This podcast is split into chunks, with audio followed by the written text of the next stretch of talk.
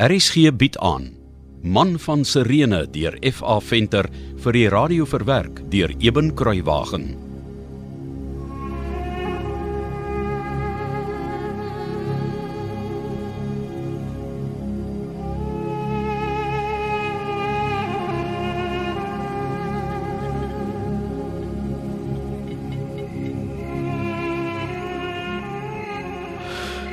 Ek kan nie glo te Boraat agter die Nasareener aangeloop. Nes Rufus nie. Ons ek heeltemal alleen. Ek weet nie eens waar sy Segiel nie.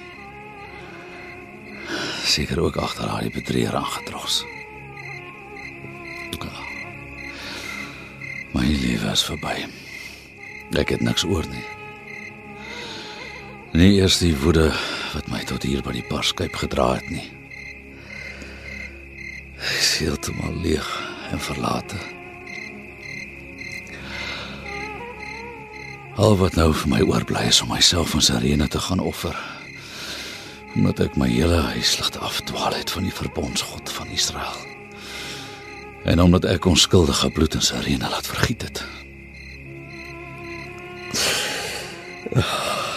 Ek is gevul met berou. My skuldlas oorweldig my.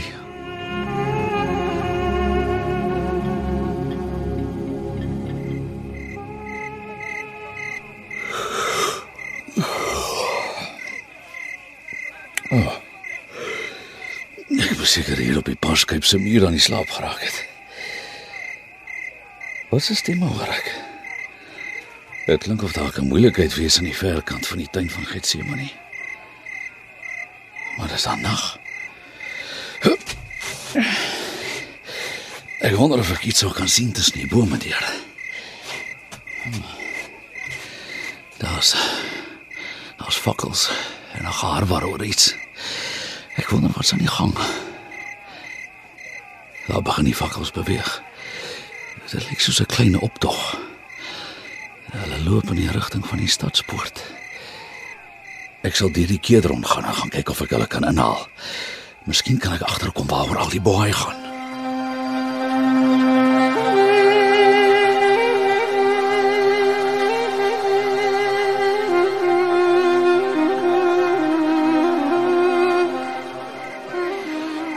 Hoe kan ek inkom? Ek sien die hek voor die poort na Kajafas se huis is gesluit. Jy's te laat, vriend. Die binnehof was in 'n japtrap vol toe die tempelwagte die hek gesluit. Nou moet ons maar net hier buite wag. Was hier dan die gang? Het jy dan nie gehoor nie? Wat? Die priesterhoofde, die familiehoofde en die skrifgeleerdes het Jesus van Nasaret gevange laat neem deur die tempelwagte en die offisiere. Wat? Is is jy ernstig? Lyk dit vir jou of ek grappies maak? Hoekom dink jy staan al hierdie mense voor Kajafas se huis? Ek wou maar net seker maak. Maar hoe het hulle die Nasareener in die hande gekry? Ek hoor hy's maar 'n glibberige kaland. Elke keer as hulle hom wil vang, dan kom hy weg. Nee, die keer het hy sy rieme styf geloop. Ek hoor hulle sê een van sy eie disippels het hom glo verraai. Huh, dit wys jou net hoe groot skelm en bedrieger hy was. As een van sy eie disippels hom oorgelewer wil hê. Weet jy watter disipel dit was? Ek hoor maar die mense fluister dit was glo Judas Iskariot. Maar of dit waar is, weet ek nie. En wat gaan nou daar binne aan? Weet jy? Hy word verhoor. Dankie God van Abraham, Isak en Jakob. Uiteindelik is die man wat my huis opgebreek het vasgevat. Nou sal alles weer regkom. Het julle gehoor? Wat?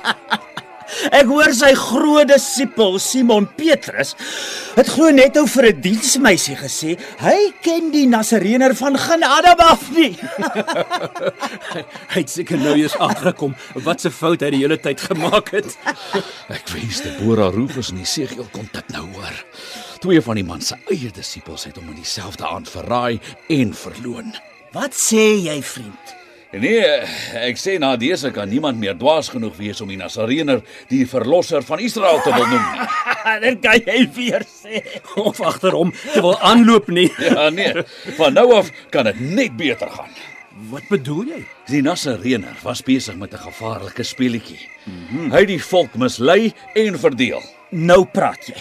Tot my huis is uitmekaar geruk deur die Nasareener se praatjies. Nee, ek het my voet neergesit. My huis praat nie eers oor hom nie. Ek het net nou 'n verskriklike ding gehoor. Wat? Ek kan dit amper nie eers herhaal nie. Wat het jy gehoor? Dit kom daar van die binnehof af. Wat? Die Nasareener het glo vir Kajafas gesê hy's die seun van God. Wat? Wat is uh, dis godslastering? Net daarvoor alleen verdien die Nasareëner om te sterf. Ek kan amper nie dink enige iemand sal dit eers waag om sulke laster oor sy lippe te laat kom nie. Ja nee, ek ook nie. Hulle sê Kajafas het glo sy klere geskeur toe hy dit hoor. Ja, ek sou ook as ek hy was. Nee, ek kan net dink wat die spul ringkoppe van die Sanhedrin nou onder mekaar staan en fluister. So, so wat gaan nou gebeur dink julle? Wel, die Sanhedrin gaan nou met besluit of die Nasarene skuldig is of nie. Maar ek kan nie eens dink dat hulle tot 'n eenparige besluit sal kom nie. Nee, ek ook nie. Hulle het daarom ook al lank genoeg gesukkel om die man vas te trek. Hulle sal hom nie nou laat wegkom. As hulle dit laat gebeur, is hulle 'n spelaffat. Ek het 'n baie interessante ding gehoor vroeër vanaand toe hulle net op pad was met die Nasarene hierheen. Ja? Onthou julle die pottebakker van Betanië wat kamme uit die dood opgewek is? Ja, dit was sommer nou die dag. Ek het gehoor dit was glo een van die Nasareeners se grootste wonderwerke sover. En sy laaste ook, want na vanaand is alles oor en verby vir hom. Wat wil jy sê van die pottebakker? O ja, nee, daar's glo gerug dat die Sanhedrin hom glo ook wil vang. Wel eintlik wil dood hê. Ho hoekom? Blykbaar is daar nou soveel meer Jode wat in die Nasareener glo na hy Kamma die pottebakker weer lewendig gemaak het, dat die Sanhedrin bang is dit kan die volk nog verder verdeel. So, hulle wil Lazarus doodmaak. Ken jy die man? O, nee, nee, ek ek het maar toevallig gehoor die man se naam is Lazarus. Almal het so oor die betalje gepraat. Ek dink dit sal 'n goeie ding wees as hulle van die pottebakker ook ontslaa raak. Hoekom? Want dan raak hulle sommer van al die opreiende praatjies ontslaa. Ek hoor jou. Hulle moes hom eintlik vanaand saam met die Nasareener voor Kajafas gebring het, sodat hulle albei sommer gelyktydig kon skuldig bevind in afstenigheid. Ja. Lyk my daar's 'n beroering in die binnehof. Ek gaan gou kyk of ek kan uitvind wat gebeur het. So. Ek wonder hoeveel van die Nasareener se disippels glo nou nog in hom. As twee op dieselfde aand in die openbaar die rug op hom gekeer het, lyk sake maar sleg vir hom. Ja, baie sleg. Ek dink die hele ou spulletjie gaan van vanaand af uitmekaar begin spat as jy my vra. Die Sanhedrin kon nie 'n beter tyd gekies het om van die Nasareener ontslae te raak nie. Jy dink so? Natuurlik. Nou's die tyd wat elke Jood mos weer versoen word met die verbondsgod van Israel. Terwyl die volk besig is met die viering van die Pasga, is daar minder tyd om te dink aan die leuns en die bedrog waarmee hy ons probeer vergiftig het. Nee, dis waar wat jy sê. Die Sanhedrin het hom skuldig bevind. O, oh, dank die Here, die God van Israel. Maar dit lyk my as ek die gerugte reg verstaan, dit was nie 'n een eenparige besluit nie. Wat? Dis seker hoekom dit so lank geneem het vir die skuldigbevinding. Wag, hier kom iemand aan. Kyk hoe wild swaai sy kleed. Hy lyk baie ongelukkig. Uh, ek moet gaan. Waarheen gaan jy, vriend? 'n Rustige nag vir julle. Wat sy storie. Ek het gedink ons kan dalk hierna iewers gaan kuier, maar nou het hy net laat spaner. Ja, ek wil nog uitvind wat sy naam.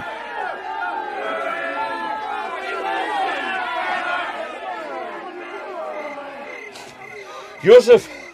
Josef van Arimatea. Aarde maar jy stap vinnig. Ek het gesukkel om jou in te haal. So. Jy het hom skuldig bevind. Wel gedaan. Ek dink almal is bly oor die bevinding van die Sanhedrin. Hey, los my. Ja, hoekom laat jy hom nie sommer nou steenig? Los my kleed. Ag, Josef. Ga weg van my af. Ek verstaan nie. Vannag het hulle Israel verdoem. Hulle het geen skuld nie. Jesus van Nasaret is onskuldig. Hy het geen skuld nie. Dan glo Josef van Arimatea ook in die Nasareëner. Maar hy het dit nooit gesê nie. Geen skuld nie, Josef. Regtig? Die Nasareëner het die allerhoogste belaster, Josef van Arimatea en dan sê jy so ewe, hy het nie skuld nie.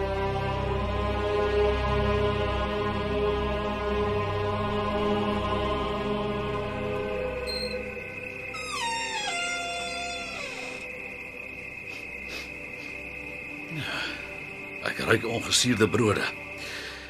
Deborah het seker vir die Pasga gebak. Deborah! Nee. Nie roering nie. Hier is niemand by die huis nie. Nie eers Isigiel nie.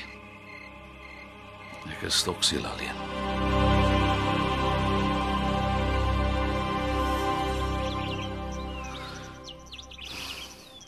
Deborah is nog steeds nie hier nie. Dit was naar om wakker te word. En sy lê nie langs my in die bed nie. Hm. Lyk vir my sy het al die voorbereidings van die Paasmaal weggevat. Die tafel is leeg. Behalwe vir die twee ongesiede brode. Hulle was seker gisterand in Betanië bymekaar. Deborah, Rufus en Esegiel en Maria en haar mense. Net ek was nie daar nie. Ek ek wonder of hulle my ooit gemis het. Deborah dalk. Dit maak dit tog saak. Ek moet op pad na Sirene. Ek wonder of hulle gehoor het wat met die Nazarener gebeur het. Miskien moet ek net by Betania langs gaan op pad na Sirene en en hulle gaan vertel wat gebeur het. Nee. Nee, ek sal nie na Betania gaan nie. Ek ek sal vir my 'n sak kos pak en gaan. My lewe hier was verby. Ek sien die paaslam hang aan die vleishak teen die muur. Hulle het dit nie gebruik nie. Goed. Wat sal ek saamvat? Die twee ongesiede brode, droë vye, rosyne. Hm. Die vleisheuning sal lekker wees. Wat is in die 'n sakkie? O, oh, dadels ja. Ja, dit vat ek graag saam. Miskien maar die sakkie meel ook. Mens weet nooit. So lank pad na Sarene. O. Oh, dalk is dit 'n goeie ding met die vetkers aan te vat. Alles hy al half gebrand. So ja. Uh, nou nog net my hakkierie. Ja. En die laaste ding wat ek moet saamvat, dink ek, is 'n wynsak. Sal sommer die een in die muur vat en eers gou by die kruike gaan volmaak.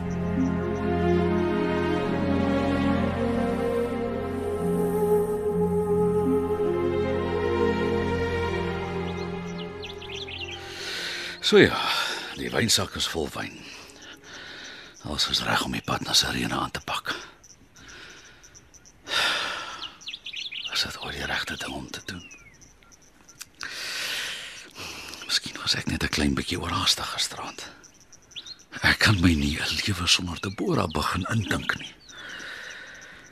Bydien die Nazarener is mos skuldig bevind. Hulle gaan hom verseker doodmaak en hy sal vir goed uit ons lewens verdwyn. My huis sal weer heel wees. En Deborah en Rufus en Esegiel sal weet hulle was op 'n dwaalspoor. Dan sal ek vir hulle sê: "Julle wou mos nie na my luister nie." en ek sal vir myself wees en die hoof van my huis. Ek moet na Jerusalem toe gaan. Hulle stenig seker die Nasareëner.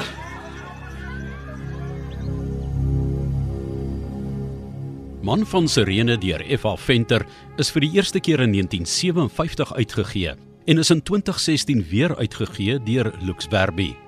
Die produksie is tegnies hanteer deur Cassie Lauis en die verhaal word vir RSG verwerk deur Eben Kruiwagen onder spelleiding van Joni Combrink.